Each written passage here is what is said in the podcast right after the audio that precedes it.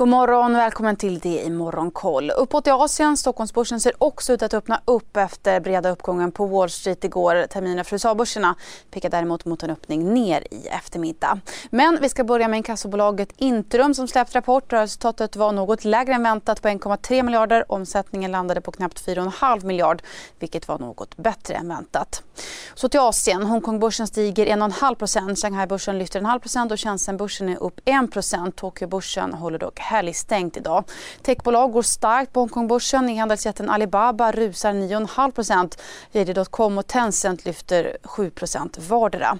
Det asiatiska benchmark-indexet ser ut att stänga månaden 7,5 ner vilket gör april till den sämsta månaden på två år. Shanghai-börsen eh, så ser det ut att bli den sämsta månaden sedan 2016. Samtidigt så meddelar idag Kinas politbyrå att man kommer införa ett åtgärdspaket till företag som drabbats av problem på grund av pandemin. pandemin.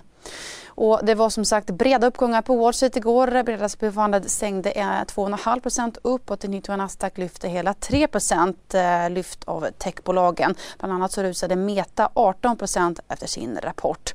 E-handelsjätten Amazon släppte sin rapport efter stängning och vände oväntat till förlust. Aktien föll 9% i efterhanden. Även Apple backade runt 2% i efterhanden. Bolaget redovisade visserligen ett bättre resultat än väntat men flaggade samtidigt för att utbudsstörningar kommer sänka intäkterna intäkterna i nuvarande kvartal. Chiptillverkaren Intel föll också 4% i efterhanden trots en stark rapport. Prognosen för nästa kvartal var dock lägre än analytikerna räknat med. Och Elon Musk sålde 4,4 miljoner aktier i Tesla under förra veckan. För...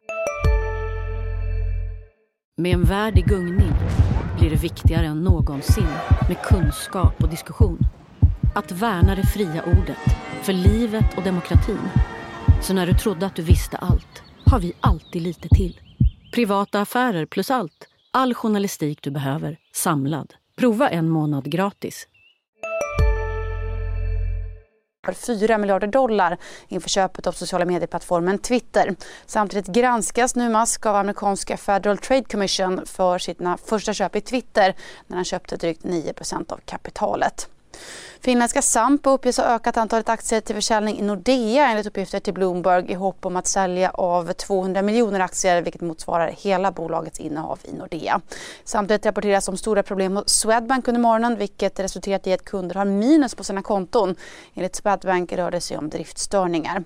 Och så har Wallenbergstiftelsernas holdingbolag FAM köpt 1,5 miljoner aktier i kullagertillverkaren SKF för närmare 250 miljoner kronor efter rapporten i tisdags. Rutger Arnhult har också också köpt eh, ytterligare 85 000 aktier i Castellum för drygt 16 miljoner kronor och så har konsumentvarukoncernen Humble tagit in 530 miljoner kronor i en riktad emission som genomfördes till teckningskursen 16 kronor per aktie vilket motsvarar en rabatt på 5% Dessutom så har Humble släppt preliminära siffror för första kvartalet. Omsättningen ökade med 27% och bolagets justerade ebit-resultat ökade till mellan 85 till 95 miljoner kronor vilket går att jämföras med 7 miljoner samma kvartal i fjol.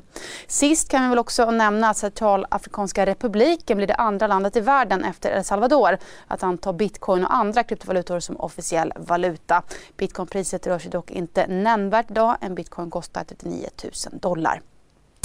Idag ser vi fram emot ytterligare ett gäng rapporter från bland annat AstraZeneca, Electrolux, SCA och Hexagon. Dessutom får vi inflationsbesked från euroområdet och eh, privatkonsumtion och kärninflation mätt som PCE från eh, USA som vi brukar kallas för amerikanska centralbanken Feds favoritmått på inflation.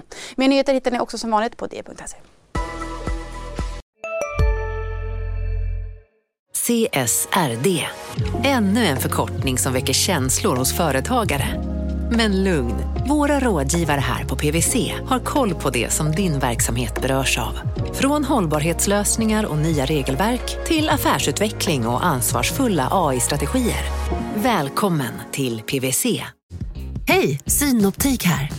Så här års är det extra viktigt att du skyddar dina ögon mot solens skadliga strålar. Därför får du just nu 50% på ett par solglasögon i din styrka när du köper glasögon hos oss på Synoptik. Boka tid och läs mer på synoptik.se. Välkommen!